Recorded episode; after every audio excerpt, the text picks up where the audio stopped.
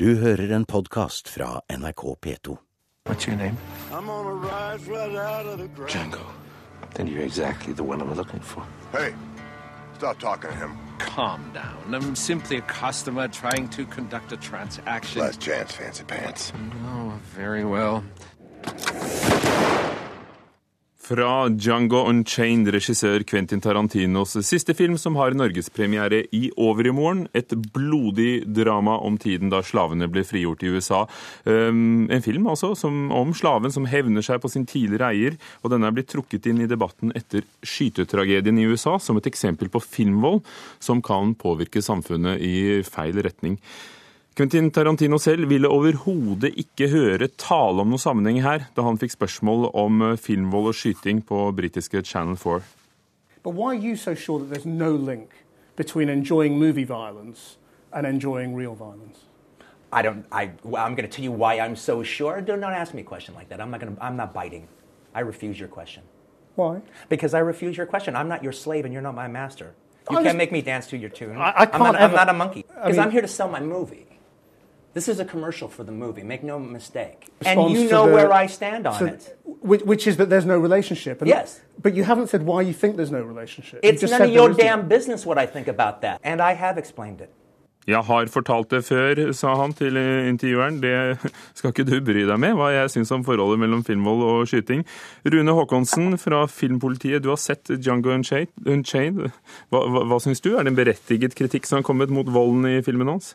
Aller først må jeg jo si at det er veldig trist at Tarantino selv ikke ønsker å diskutere det, for det mener jeg jo er det aller viktigste. Når det gjelder selve filmen, så er jeg nok ikke enig i at eh, volden her er eh, så eh, dramatisk at den fortjener denne debatten. Eh, filmer som så, f.eks., har mer grafisk vold enn det vi ser i denne. Det det har vært mye debatt om i USA, er jo fremstillingen av denne slavetiden og, og, og fremstillingen av afroamerikanske tidligere slaver og hvordan de oppfører seg eh, som voldelige bajaser. Og, og hva tenker du om det? Eh, Jeg, jeg syns jo at Tarantino plasserer en, det, det som vi kanskje er vant til å se i en typisk dramafilm. altså Slaverihistorier er eh, gjerne forbeholdt litt mer seriøse dramafilmer. Nå tar han inn spagetti-western og eh, filmer og, og radbrekker den sjangeren og, og putter en slavehistorie inn i dette. Og Det er veldig uvant, og det gjør også at på en måte, selve historien får en litt sånn nytt perspektiv. Einar Aarvig, redaktør i Filmmagasinet. Ditt førsteinntrykk av Jungle Unchained?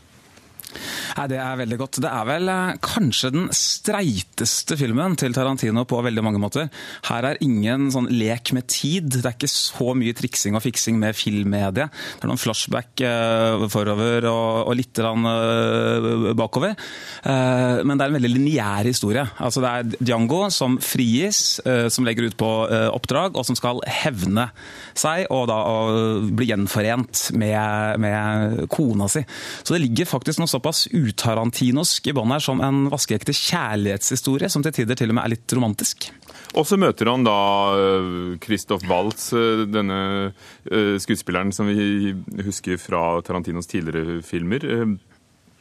Hvem andre møter han på veien her? Fordi det er jo lykkejegere og plantasjeeiere.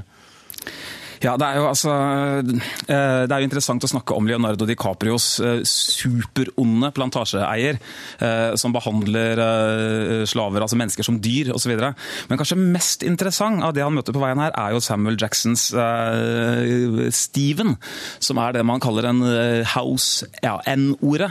N-ordet brukes jo fryktelig mange ganger her, men han er altså en sånn onkel Tom-type som smigrer og spyttslikker og lever opp til og er liksom på de hvite side og en slags sånn ja, raseforræder-type. Som er helt utrolig intenst, nesten rasende spilt av eh, Samuel Jackson. Som vel ikke har gjort noe særlig interessant på 2000-tallet i det hele tatt, men som altså gjør et, eh, et comeback som en gammel, skalla, litt sånn onkel Ben-type eh, her i Django Unchained. Rune Håkonsen, før vi går videre, kan vi stoppe opp litt, og så kan du fortelle oss litt hvorfor det alltid blir så mye oppstyr, og, og hvorfor mange er så opptatt av Quentin Tarantino og filmene hans? Han er en veldig egenarta regissør som, eh, ja, som vi hørte i klippet i stad også, er eh, ikke redd for å ta konfrontasjonene der de oppstår. Eh, Det gjør også at filmene hans er ofte kompromissløse. Jeg er enig med Einar her at denne filmen kanskje er ganske ordinær når vi tenker på den lekenheten han har hatt i filmmediet tidligere, men det er denne kompromissløsheten i møte med sitt publikum som gjør at Tarantino er en av de mest interessante filmskaperne, mener jeg.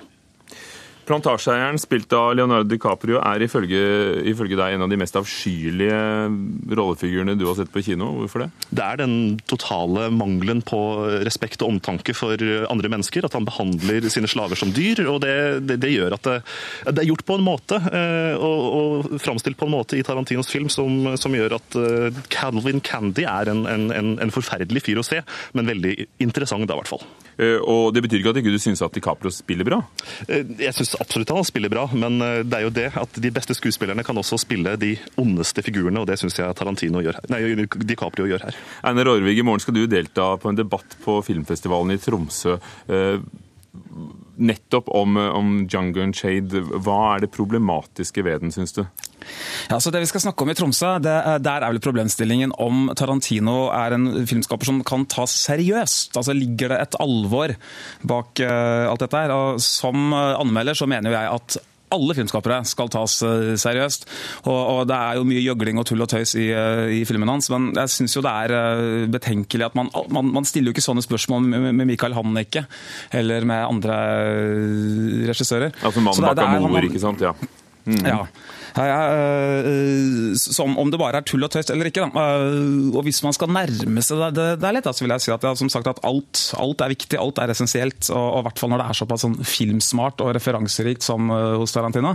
Jeg syns også at han skal ha litt honnør for å synliggjøre slaveriet, som USA faktisk er bygget på. og Som er altså, grunnen til at hele den afroamerikanske minoriteten faktisk er der.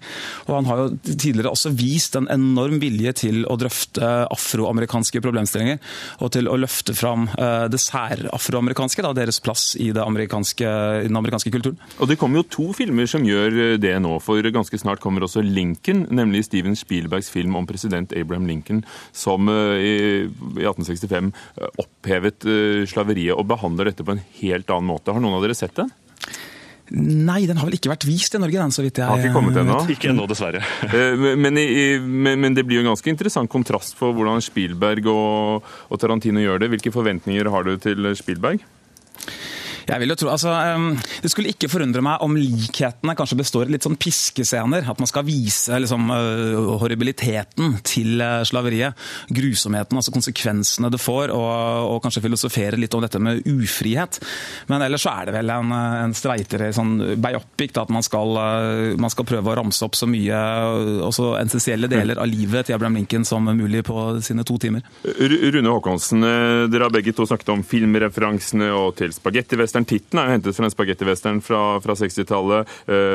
Det er en sjanger som heter blaxploitation, hvor svart kultur ble brukt på 70-tallet i filmer, og det gjør den her også. Er dette en film for de innvidde, som vil ha glede av alle disse sideblikkene til filmhistorien? Jeg tror nok at filmen vil ha noe ekstra til de som er interessert og oppdatert på det her, men samtidig så vil nok filmen også by på en ganske stor opplevelse for de som ikke kjenner til denne delen av filmhistorien.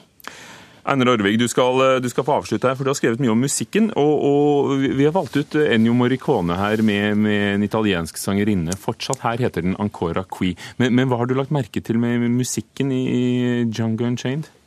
Nei, altså Som i tidligere Tarantino-filmer så har han jo mye sånne mariachi-trompeter og spansk gitar og musikk man forbinder med spagetti-western. Det brukte han jo selv i Pulp Fiction, som jo ikke foregår i noen ørken, i noen støvete ørken.